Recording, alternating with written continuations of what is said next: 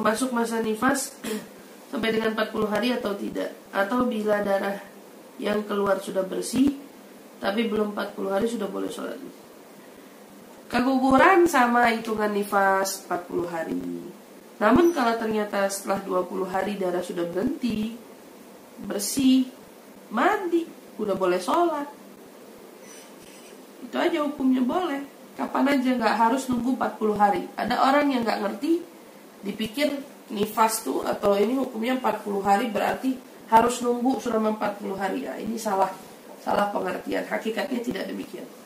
Jadi kalau orang nifas keluar darah 20 hari kemudian uh, sudah selesai bersih tidak ada lagi nodanya mandi bersih.